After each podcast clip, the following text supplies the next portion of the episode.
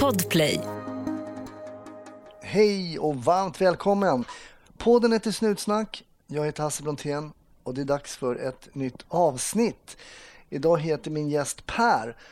Och på något sätt är det ju nästan svårare eh, att prata med poliser som har jobbat ett tag för man vill fånga liksom allt men det kommer man aldrig hinna under ett poddavsnitt. Men eh, Per hinner berätta om eh, spännande saker han har varit med om och spännande nya projekt som han håller på med. Så jag hoppas ni kommer gilla det här avsnittet som ni hör alldeles, alldeles strax.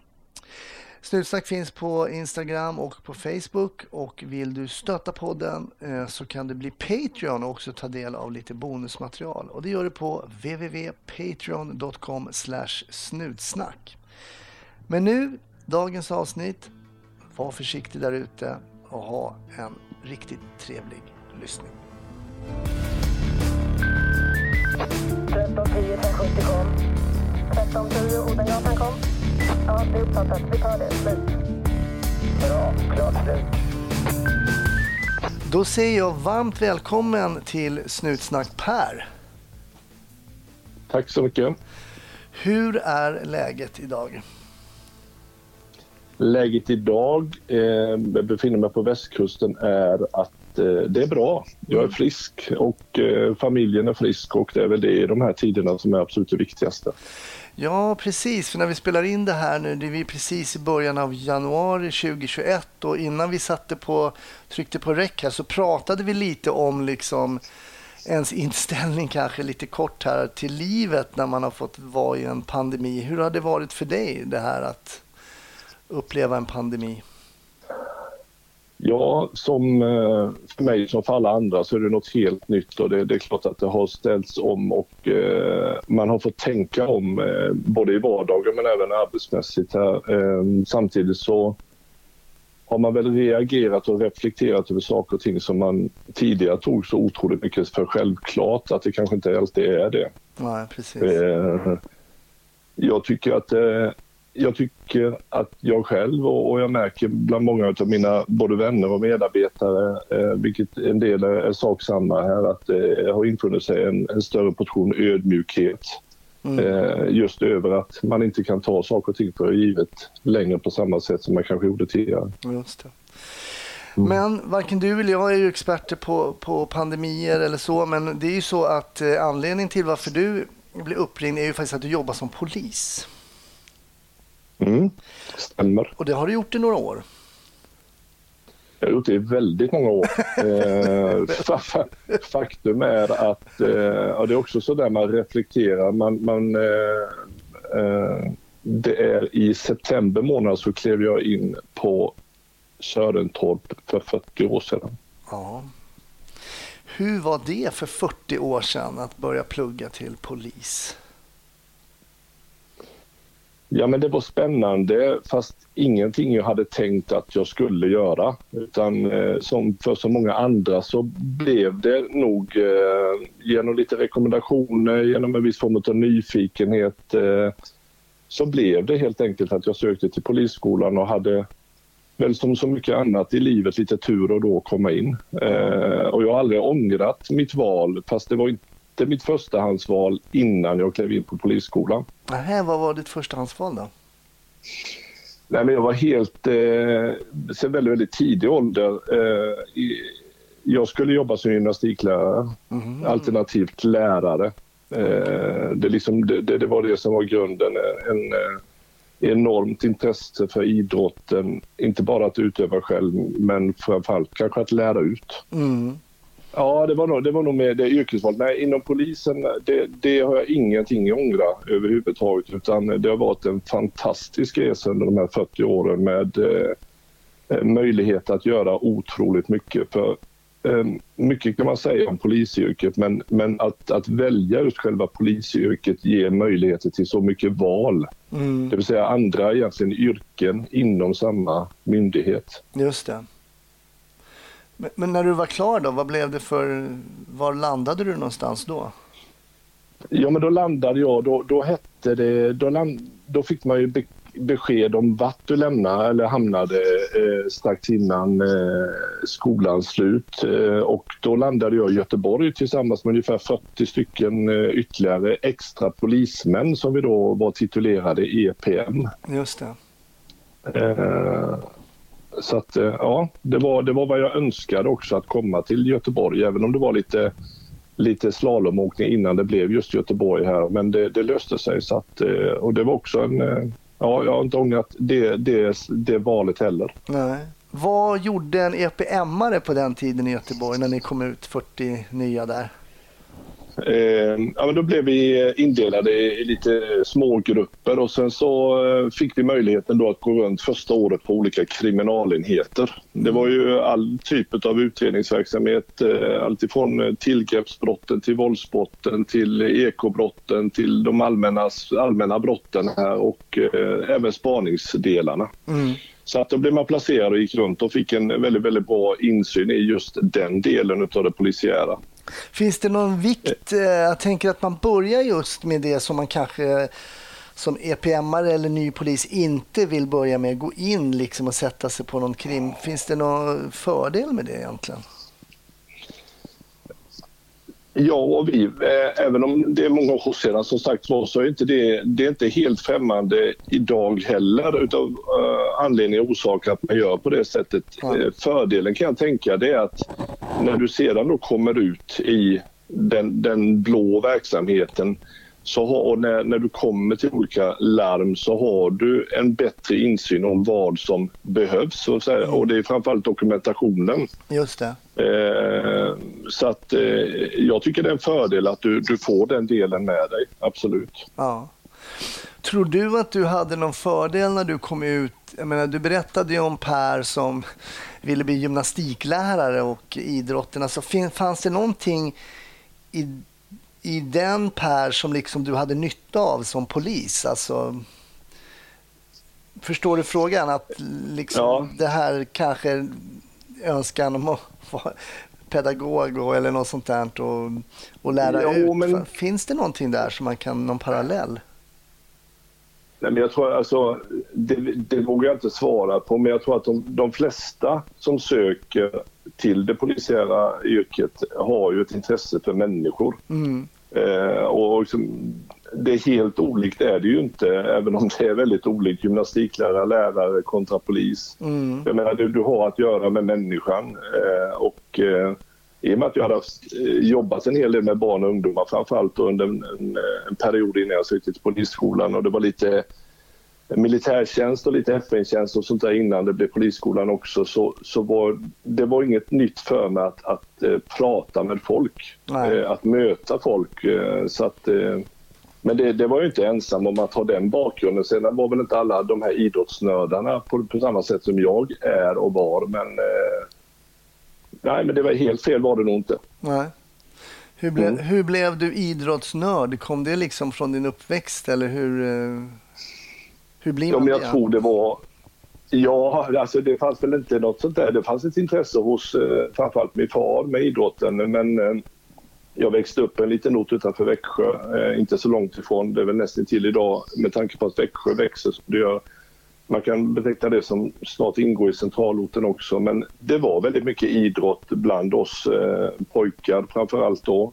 Det var fotboll och det var hockey och sen var det tennisen eh, gjorde sin framsteg här med, med Björn Borgheden och sånt där. Mm. Så att, eh, det var väldigt mycket. Och sen har jag två bröder och, och de, de var inte sena att hänga på idrotten heller. Så att, eh, vi, var, vi var en brödratrio som höll på med ungefär sak samma. Och hade turen till och med att få spela i samma fotbollslag vid några tillfällen. Så att, okay. eh, det var mycket idrott. Mm. Tränade, hur var träningen då liksom för 40 år sedan på, inom polisen? Då? Tränade ni också någonting? Eller? På tjänstetid och så? Ja. Mm. Jo, men det gjorde vi. Alltså, och det, är väl, det skiljer väl inte så mycket från idag. Att man hade ju sin eh, så kallade fystimme då. Va? Och sen, sen så eh, du minns själv att många gånger så förhöll ju det sig till innebandy exempelvis. Man ja. spelade med turlaget eller med, där man befann sig. Eh, mm. Vissa hade, ja, så det var väl ofta det det handlade om.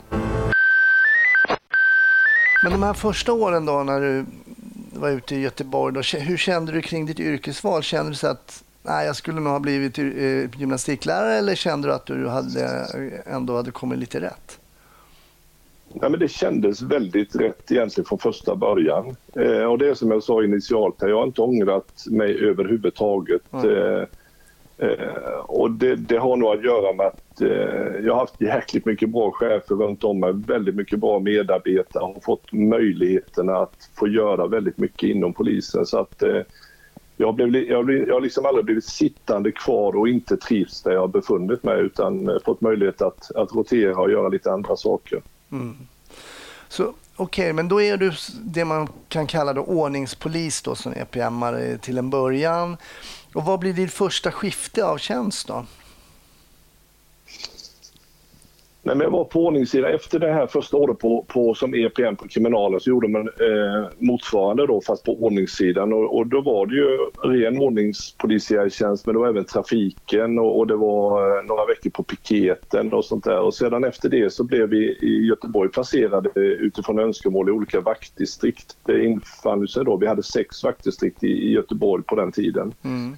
Eh, och då hamnade jag på, eh, på Tredje Långgatan mm. som då var benämnt vaktdistrikt 4. Okay. Eh, om, det, om det är en hörsägen eller inte, det vet jag inte, men det sades att det var Sveriges minsta till ytan vaktdistrikt. Mm. Eh, och vi, vi gränsade då mot Frölunda och vi gränsade mot Hisingen utifrån Älvsborgsbron och vi gränsade mot centrala Göteborg. Eh, så att, eh, nej men jag rullade runt där eh, en tid och sen så, så valde jag en kollega att bege oss till Östra Nordstan, eller Femman som det nämns oftast. Och mm. Där fotpatrullerade jag under två års tid och det, där och då eh, var väl en av de största och bästa utbildningsåren för mig. För då, då kom du så att säga inte undan. Du mötte folk dagligdags, 24-7 egentligen. Och, mm. eh, det var en jättenyttig tid. Eh, så att, och där höll jag på fram till, eh, jag var ute på ordningssidan fram till 88. Okay. Eh, så var det någonting som fick mig att eh, dra mig, alltså någon, någon längtan tillbaka till Småland igen. Så då, då sökte jag till, eh, till Växjö. Okay. Eh, men men hade inte, fick inte någon tjänst. Men hade några goda vänner inom polisen som hade lämnat polisen och gått till, till försäkringsbolagen. Och, och av någon anledning så blev jag lite lockad i den fällan. Så att jag sökte ett jobb på ett eh, försäkringsbolag i Växjö och mot alla odds så fick jag det där. Aha. Men ska jag vara ärlig så, det tog inte många månader eh, innan jag förstod att det där var inte jag. Alltså. så att, eh, nej. Vad, vad, var din arbetsuppgift där då? Det var helt enkelt att utreda försäkringsärenden? Ja, lite utreda men även till viss del att sälja försäkringar. Och det, det, det är inte jag. Eh, och, eh, så att jag återvände, men då sökte jag mig till kriminalsidan och hade... Och det var mitt önskemål lite kopplat mot det här gymnastikläraren som vi har pratat om, att hamna på en, en rotel som eh, hette ungdomsroten. Aha. Så där fick jag möjligheten att jobba under ett par års tid, både med spaningsverksamhet och med utredningsverksamhet. Och, och skulle man klassificera någonting under alla dessa 40 år man känner att man har gjort skillnad, mm. så är det nog de två åren. Eh, det var otroligt givande, eh, fantastiska medarbetare eh, och den killen jag jobbade med då, han var, eh, han var så dedikerad detta och hade sånt enormt nätverk. Eh, och vi jobbade över hela ytan i Storgöteborg och Ja, det, var, det, var, det var viktigt jobb. Ett mm. jätteviktigt jobb vi gjorde och jobbade väldigt tätt med socialtjänsten också då på den tiden. Jag skulle vilja fråga dig där, när du, du berättade också att den här tiden som fotpatrullerande polis, liksom två år, att det var väldigt eh, utbildande.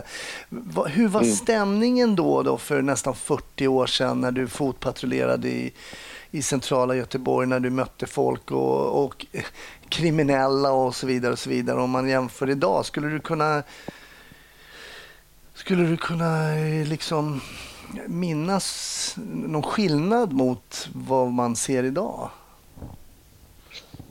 Jo, men det är klart då att det var skillnad eh, på många olika sätt och vis. Eh, dels var vi ju, eh, vi var ju fast stationerade i det här femman och Östra Nordstan och utgick ju därifrån. Vi hade en liten station där nere.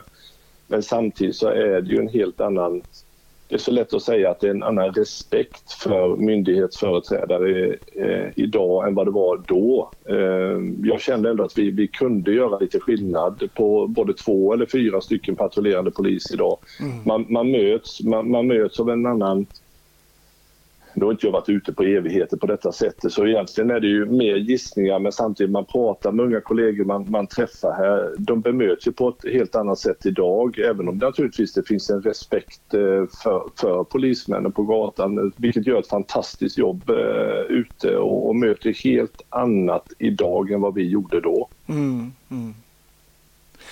Sen berättar du då när du kommer till ungdomsroten att det här med att göra skillnad. Hur, hur viktigt skulle du vilja säga att är det för dig att ha den känslan, liksom att ändå känna att man gör en viss skillnad? Ehm, finns det en, en sån behov av att, att känna det liksom, när man går till jobbet som polis för dig?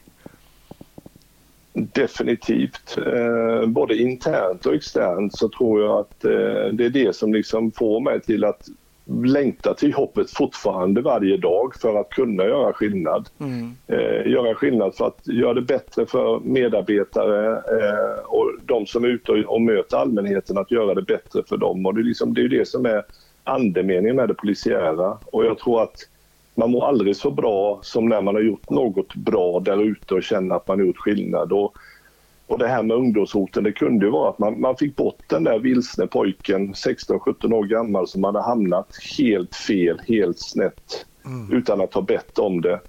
Eh, och, och, det är väl lite, den tanken lever ju fortfarande idag. Jag, jag, jag hade förmånen att ha eh, en chef i namn Claes Friberg under många års tid. Mm. Och när vi pratade om eh, epitetet grov organiserad brottslighet så, så pratade väl Claes väldigt mycket om och, man gör det fortfarande idag om just det att försöka jobba och stoppa rekryteringen in i de här kriminella nätverken. Att det måste vara liksom någon prio. Men det där löser vi inte själva, det vill säga polisen, utan där måste hela samhället finnas bakom. Just det. Ehm, men sen har du egentligen då, sen 88 så klev du in då som kriminalpolis och har inte varit ute och patrullerat i uniform kan man säga då eller? Nej, eh, inte patrullerat på det sättet. utan det dröjde, nej, det dröjde många år innan jag satte på mig uniformen igen. Eh, så att det var när, när, jag väl gjorde det, och, alltså, då pratar vi 2013, mm -hmm. när jag satte på mig uniformen därefter första gången. Och då, då kändes det, om man, om man kände sig osäker när man kom ut som EPM i uniform så var jag nästan nästan samma känsla eh, 2013 när jag satte på mig uniformen och med den där rädslan av att, av att någon skulle komma fram och ställa en fråga till mig. Jag hade inte den möjlighet att svara för jag visste inte vad jag skulle svara men det löste sig det också. Men... Så det var det må, många år mellan uniformspersedlarna. Eh, Just det, men det där är ju intressant också, precis som du säger att man kan välja så många yrken i yrket och är, är man mm. kanske länge på en avdelning så tappar man ju det andra de andra mm. yrkespusselbitarna på något sätt då. För jag menar, om du hade satt på dig uniform då och gått ut på en ordningsavdelning så hade du varit äldst i tjänst och blivit liksom befäl. Och då kanske man känner sig lite, lite förvirrad då plötsligt. Ja, hade, jag, jag hade nog bett att få en handledare tror jag, i så fall om jag hade hamnat här idag. Det tror jag. Ja, ja, men det är rätt intressant. Så det, det, visar ju då med all tydlighet att bara för att man har då den här polislegitimationen så kan man inte just um, en specifik datum utföra precis alla polisiära uppgifter. Uh, det går ju liksom inte. Man, man har en tjänst i taget. Liksom. Mm, mm. Men från de här åren nu då som Eh, Eh, du har jobbat som polis. Då. Vad har du för minnen när någon ställer den frågan? Liksom? Vad, vad har du för starkast minne av en händelse eller en, en upplevelse som yrket polis som, som poppar upp hos dig? Eh, det är så otroligt eh, många saker man har fått möjlighet att vara med om och de där få dagarna som har infunnit sig där man känner att ah, vad gör jag här? Men en snabb reflektion och, komma på allt fantastiskt man har fått vara med om under den här, alla dessa år. Men att, att ta ut något specifikt, eh, det är jättesvårt. Mm. Eh, men det som, när, när, jag liksom, när jag kastade upp frågan till mig eh, och, och liksom väntade på vilken boll som skulle falla ner snabbast så, så hamnade jag faktiskt eh, på 1998. Okej. Eh, Det har gått, det har gått några år sedan, sedan dess men det innehåller så mycket och varade så länge just det, eh, den grejen och ehm, eh, jag var ganska nyseparerad, eh, bodde med min son i en lägenhet eh, utanför Göteborg och jag hade mina föräldrar på besök hos mig och eh, det var allhelgonahelgen eh, och ehm, det var inte ofta dåvarande chefer ringde hem. Mobiltelefoner var, fanns ju naturligtvis men det var inte så att man levde med mobiltelefonen 24-7 på det sättet man gör idag. Nej. Utan då hade, vi, då hade man hemtelefonnummer och de där hemtelefonnumren fanns ju på en larmlista. Så att mitt i natten så ringer telefonen och det där var inte vanligt. Eh, och, min, och min dåvarande roterchef, eh, ja, han mer eller mindre skriker till mig i örat att samla ihop din spaningsgrupp och kom in omgående. Och jag vet att jag fick fram vad är det som har hänt. Och vi har flera skadade på en brand. Eh, och det var, det var starten eh, och jag fick tag på, då var jag spaningsgruppchef. Eh, och fick tag på mina medarbetare och vi åkte in där och det det handlade om det var den här fruktansvärda Backabranden ute på Hisingen. Just det. Där, där 63 stycken ungdomar omkom och över 200 skadades. Eh, och det där kan, det är liksom, man kan inte förstå eh, alltså alla dessa, alla dessa döda unga människor, alla dessa svårt, många väldigt svårt skadade, men allt lidande runt omkring där.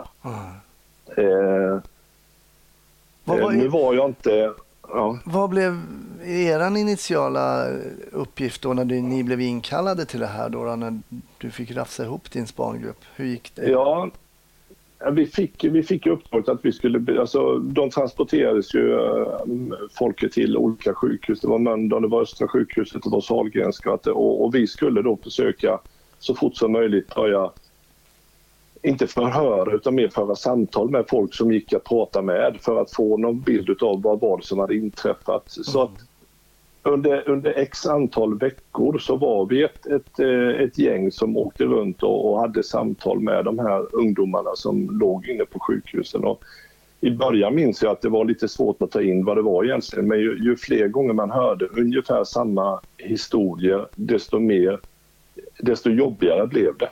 Ja. Eh, så att, eh, nej men det är väl egentligen, det finns så mycket annat, alltså, men just det här var det som, eh, den bollen landade tyngst. Och, och, och, bara en, och där var inte jag med, men vad man, och vad man inte ska glömma bort är det idoga utredningsarbete som sedan fortsatte långt efter att vi hade gjort vårt så att säga, men en, en grupp ledd av en åklagare som fortsatte under två års tid att nysta och, och jobba med, eh, intensivt med det här ärendet och kom fram då till vad det var som hade hänt och även fick ett antal individer dömda för det hela. Så att det var ett eh, fantastiskt arbete. Jag tänker på det här med, ehm, det har dykt upp i podden just unga människor och död är inte ovanligt att det blir minnen som sätter sig. Eh, Just Mm. Antagligen därför att unga människor inte ska dö före oss då som är lite äldre Mm. kanske. Liksom och sådär. Men Mm, mm. jag tänker när du berättar det här att du åker och man pratar och för samtal för att försöka reda ut och du säger du hör liksom samma historia gång på gång. Finns det någon känsla ibland att man bara vill dra från det jobbiga liksom? Att man bara säger, "Nej, men nu, nu vill inte jag höra mer om alla de här unga människorna som dog och jag, det gör ont i mig för mycket så jag, jag, jag liksom lämnar in. Alltså kan man få en sån känsla också?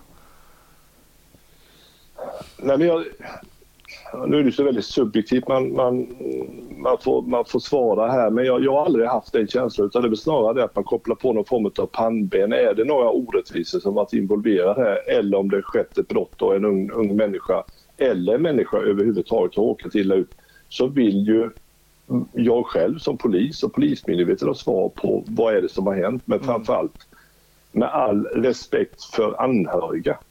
Det är inte okej. Så att jag tror att vi, jag tror jag kan nästan svara för hela Polismyndigheten. Vi, vi, vi, vi är oerhört professionella när det gäller det där. Mm.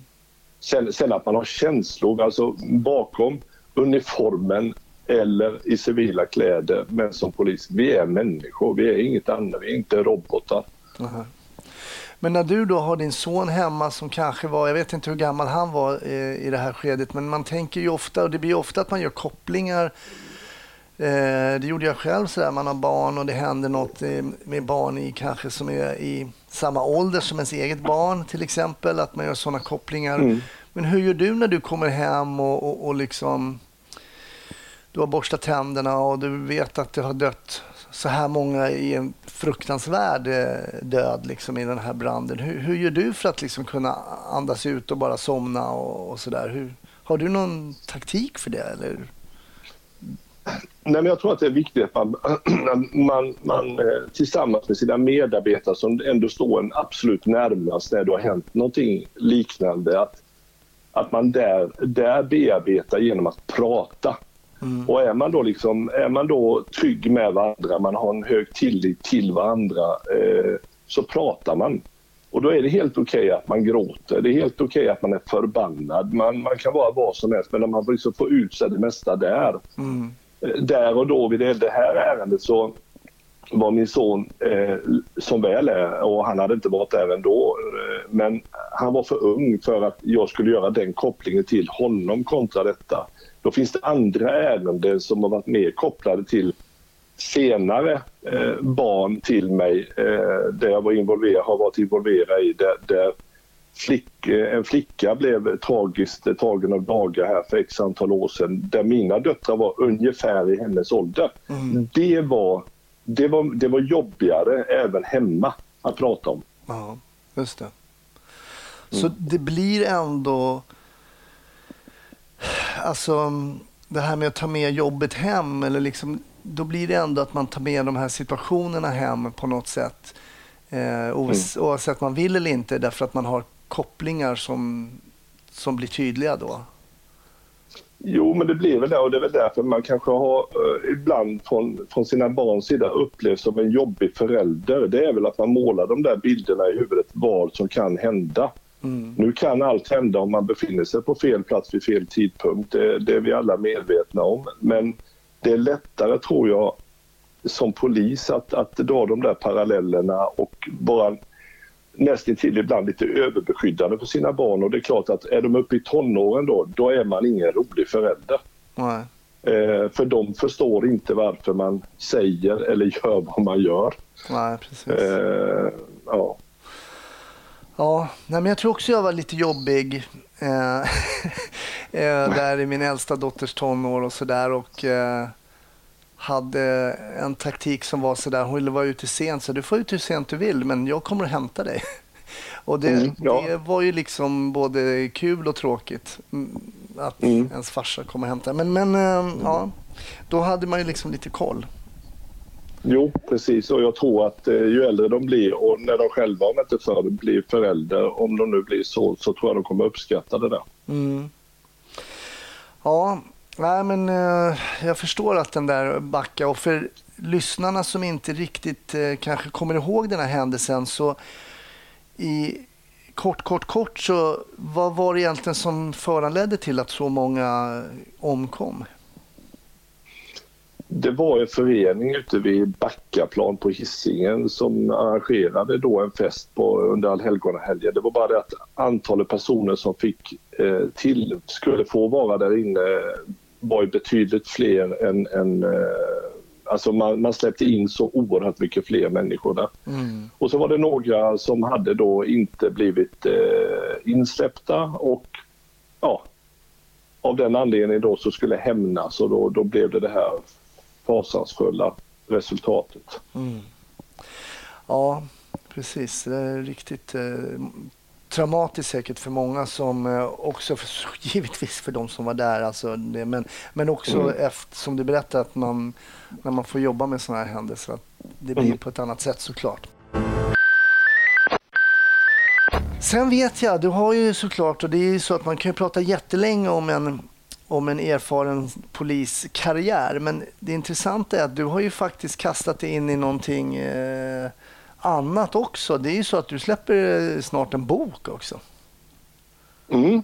Ja, det, det är väl en sån där... Eh, jag ska inte säga att det är en dröm, utan det var snarare det att eh, det bara blev. Och det har varit en lång resa här och det där hade jag inte gått i mål med om jag inte hade fått en god vän till mig som eh, ville vara med och skriva. Eh, utan den, den, var, den blev liggande under en period där ända tills eh, jag och min medförfattare Daniel Westerhav befann oss i Israel på ett forskningsseminarium eh, när jag hade en, en, eh, en liten projektanställning på Brottsförebyggande rådet. Och där Daniel då tyckte att eh, han ställde väl frågan egentligen till mig varför skriver du inte en bok som har varit med om så mycket konstighet inom polisen? Eh, och där jag då avslöjade på honom att eh, jo, det har jag väl nästan gjort färdigt men jag kommer liksom ingen vart med den. Eh, Men hur kommer det sig Så att du att, eh, nästan hade gjort det färdigt? Var kom det här ifrån? Då? Har du suttit på din kammare och, och, och, smygskrivit på en bok? Då, eller vad? Ja, ja, nästan. Fast under ett parasoll eh, på Klong Dao Beach i Thailand. Eh, vi, åkte, vi åkte ner familjen och eh, eh, under en höst och barnen gick i, eh, i skolan nere i Thailand. Jaha. Och, eh, så att eh, jag har lite väl rastlös för att ligga på en solstol. Eh, och jag kände att jag behövde göra någonting annat än eh, att vi följde barnen till skolan och hämtade dem från skolan och eh, kanske tränade något pass varje dag. Så att, ja, på det sättet blev det. Med papper och penna egentligen så, så satt jag och min hustru och läste någon bok på solstolen när jag satt under parasollet och så började jag teckna. Och sen så fick man det där aha-upplevelsen och sen, sen flöt det på.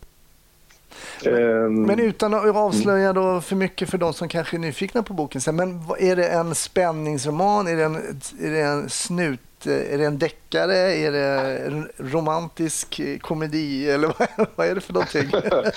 ja, det, är inte, det är inte poesi. Det- Nej, men det är väl genren, krimgenren är det. Ja, ja. Eh, absolut. Och vad heter boken? Den heter Operation Monsunregn. Men hur... Nu, jag har inte läst boken och nu har jag bara hört titeln och sådär. Hur, hur sätter man sig ner och skriver en bok? Hur, hur, vad, jo- vad började du någonstans då? Var det kapitel ett eller skrev du ner någon form av röd tråd? Eller hur, hur jobbade du då som inte hade skrivit en bok innan? innan? Egentligen hade vi så jag tror det, det som är mycket som man har, har varit med om inom polisen gör ju att man kan, man kan ta saker och ting ur, ur sin verklighet och, och sätta på pränt och sen skruvar man lite på det. Och sen har jag ju haft så fantastiskt mycket duktiga kollegor runt omkring mig som har, har bidragit till både skratt och gråt och förbannelse och ja, ja, allt, allt möjligt. Och sen många, många, många olika ärenden. Så att, att, att koka ihop det där och konkludera det på något sätt och vis. Jag kom inte, jag kom inte igång de första dagarna men sen, sen, sen uppenbarade sig bara någonting på stranden vilket gjorde att eh, ja, men nu vet jag vad jag ska skriva om. Och på, det, på den vägen blev det. Och, eh, man pratar ju en del om ens babe. Alltså inom journalistiken pratar man om kill your darlings eller darlings och sånt där. Mm, alltså där som man inte kan släppa. Och för mig för mig har jag förmånen att jobba mycket med underrättelsearbete och, och, det är väl lite det som till grund för att skriva någonting utifrån de tankarna. Mm. Eh, och lite utifrån eh, metoder som man arbetar inom polisen. Okej. Okay. Mm. Ja. Har du någon huvudkaraktär här? Har du någon eh, Beck mm. eller någon... jo, men det finns en huvudkaraktär, men det finns många andra starka karaktärer. Eh, men ändå inte för många så att man inte som läsare kan hålla reda på vem som är vem där. Eh, så att eh, det finns det. Det finns en huvudkaraktär och tanken är ju då att vi i vart fall ska se till så att det blir en uppföljare på bok nummer ett. Och vi har väl redan, jag och Daniel, tankar på bok tre, hur den i så fall skulle kunna förhålla sig till bok nummer två som vi har kommit ganska långt på. Men jag måste få, få backa lite grann. Ni sitter då i Israel och han säger kan du inte skriva en bok? Jo, men det har jag nästan gjort eh, på en strand i Thailand. Vad händer då? Ja. Liksom? Hur får ni ihop det ni två då? Alltså, hur, hur gick det till? Ja, ja men det, det, Daniel får läsa lite av det jag har skrivit. Jag har lämnat över allting för jag tänkte jag kanske behöver skämmas när han läser det för han är fantastisk på att läsa texter och skriva. Daniel var på alla sätt och vis. Att lite sådär skämkudden hade jag väl på morgonen därefter eh, när han hade fått läsa några kapitel. Men han föll för storyn och, och kände liksom att eh, ja, men det här kan vi göra någonting åt och, och på den vägen är det. Och sen har vi eh, Sen har vi liksom haft en dialog, om inte varje dag så väldigt, väldigt mycket och liksom stämt av och, och vi har hållit oss till grundstory. Så sista kapitlet i boken satte jag på en semesterresa på Cypern 2018. Jaha, du kan inte skriva Eh. hemma i Göteborg. Det, det, det går inte. Nej, ja, jo, det nej. soliga Faktum är att- stränder. Ja, nej, det är inte soligast. Men, men faktum är att jag har skrivit absolut bäst när man har fått gå in i sin egen värld och det gör man inte när barn pockar på ens uppmärksamhet eller telefonen ringer vid sidan om eller hustrun ber om att göra någonting. Va? Då, då tappar du det eventuella flowet du har i det. Så att, ja, det var en vecka men samtidigt så att det är inte där jag framförallt har skrivit utan då har jag dragit mig till solen och vindarnas ö. Och där har jag lånat min yngste brors hus och suttit och skrivit i. Jaha, vänta. Vad, Ö, Ö, Öland alltså. det är Öland alltså. Mm, Okej, så det behöver inte vara Thailand eller Cypern. Det kan vara... Nej, absolut inte. Okej. Nej då. Okej. Nej, finns den här, eh, om det är någon lyssnare nu då som är nyfiken, eh, vad, mm, vad hittar man den här boken då? Ja, men den hittar man faktiskt i, i handeln. Eh, hittar man den från den 26 januari. Eh, och eh, man kan ju redan nu, nu låter jag som en sån riktig PR-agentur, vilket jag inte är säljare, men man kan redan nu förbeställa den på nätet. Ja, Och läsa lite om innehållet även där. Eh, en liten sådär, lite cliffhanger. ja spännande, spännande. Men jag tänker på skrivandet. Som polis så, så blir det ju lite skrivande oavsett vilken tjänst man än har. Ehm, Mm. Tror du att liksom just yrket i sig, eller är det helt individuellt att, det här, att skrivandet finns i en som polis på något sätt? Nej, men det tror jag. Dels är det individuellt, men det är ju många eh, eh, kollegor som har skrivit böcker. Eh, jag har jobbat med en som heter Lena Mattei som har skrivit väldigt, eh, jag tror tre, fyra stycken i varje fall. Eh, jag hörde att du, och den boken har jag inte läst men kommer att läsa, du hade intervjuat Fredrik, Fredrik Kärrholm. Den boken ska jag absolut läsa för den tror jag ger en annan bild utav eh, och en liten nytanke också om det. Eh, så att, nej, det finns jättemånga poliser som eh, i varje fall går i tankarna att skriva och många har gjort det och gör det. Mm. Jag brukar alltid runda av podden. Då brukar, vi prata polisfilmer. Och det är inte så långt från att gå liksom från fiktion till fiktion, då, kanske från i bok till, eh, till film. Men hur, hur, eh, om vi tar först böcker, läser du mycket deckare själv? Ja, men det har nog gått i vågor. Eh, lite beroende på liksom hur vardagen i övrigt ser ut och vad man liksom får eh, landa ner i och, och känna det där. Kommer man in i böckerna ganska snabbt så kan det liksom ätas böcker ganska mycket. Så att det är lite periodvis mer än att det är konstant. Jag fattar. Det, finns det någon bok du skulle kunna rekommendera? Ja, alltså tänker du deckarskrået då eller rent generellt? Nej, men du, jag tycker du får vara helt fri och, och rekommendera. Ja. Nej men alltså det, det, ibland kan man ju undra vem, vad man är för någon människa egentligen. Men jag tycker att, att jag fick en, en bok när jag fyllde 50 av en god vän, en kollega som, som jag undrade vad tusan menar han med det här. Den heter Chantran. Okej. Och det är skrivet av en, av, en, eh, av en författare, jag tror han är från Nya Zeeland. Nej, Han beskriver en kille från Nya Zeeland som rymmer från ett fängelsestraff där och landar i Indien och hans resa där. Den, den var otroligt intressant och ger en väldigt perspektiv på livet om inte annat. Eh, och få se, se allt ifrån framsidan men framförallt baksidan i, i Indien och, och ja, perspektiv på livet man själv lever. Så den var, den var superintressant. Sen tycker jag, det, bland de senaste böckerna som har som också har blivit en, en, en eh, diskussion, en snackis i media. Mm. Eh, och det är Johanna Lernebys, den här familjen. De beskriver en familj i östra, nordöstra Göteborg ut, utifrån ett lite klanperspektiv. Mm. Eh, den, den tycker jag också. Deckarmässigt, ja men jag, jag, läser en del. Det, det, de jag framförallt har läst, eh, de flesta böckerna, det är en författarduo som tyvärr bara är en författare kvar för en av dem eh, gick bort för ett tag sedan. Han heter Roslund och Hellström när de skrev tillsammans och mm. nu är det Anders Roslund som skriver här. Eh, mm. Just det. Eh, ja, men det finns många. Det finns jättemånga. Ja. Polisfilmer då? Är det något som lockar? Ja. Nej, men då, då, då, tänker jag så här att, att eh, när jag hörde att du hade ställt en fråga till andra där så är det så lätt att man blir så där PK. Då ska man inte tala om saker och ting för att det där är inte okej okay att titta på. Det är ungefär som på 70-talet ingen skulle tycka och säga att man tyckte om ABBA när man var 14-15 år. eh, men ska jag verkligen liksom grunda i det så, så tycker jag fortfarande Beck och kanske de första Beck-filmerna håller väldigt hög eh, nivå. Alltså det, det, det är sån där Mannen på taket har man ju sett om x antal gånger exempelvis. Ja. Men jag tycker fortfarande att eh, de nya Beck-filmerna, de håller. Mm. Eh, absolut. Eh, så att, eh, ja, men det är, väl nog, det, det, är nog de, när de kommer liksom på, på, på streamingtjänst eller på kanalerna så, så ser jag fram emot att titta på dem. Även i nytappning med, med Peter Haber på, som Beck. Här, så att, eh, ja. Ah, kul. Alltså Per, stort tack. Det blir ju alltså, att försöka återberätta liksom, när man har jobbat eh, som polis så länge som jag har gjort det är svårt. Men jag har fått i alla fall en liten inblick i det du har gjort. Och jag tänker att du som är Patreon, eh, lyssna vidare så kommer jag prata med Per lite mer om vad han faktiskt har pysslat med. För nu har vi ju bara varit och petat lite grann. Men eh, glöm heller inte att tjuvkika Eh, på, eh, på Pers bok som du faktiskt kan förbeställa. Och den heter, du får repetera Per, det är monsunregn någonting men jag kommer inte ihåg innan där. Vad hette den? Operation monsunregn. Operation eh, monsunregn. Precis, det är yes. mycket inom polisen som heter operation. Sådär. Det, det... Mm -hmm. ja.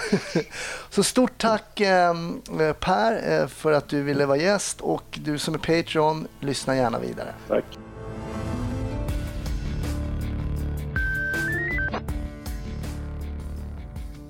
Tack för att du har lyssnat på det här avsnittet av Snutsnack. Det är tisdag när jag släpper och det är det nästa gång också. Så det är alltså bara en vecka kvar om det är tisdag just nu. Hoppas vi hörs i nästa vecka. Ha det jättebra fram tills dess. Hej då!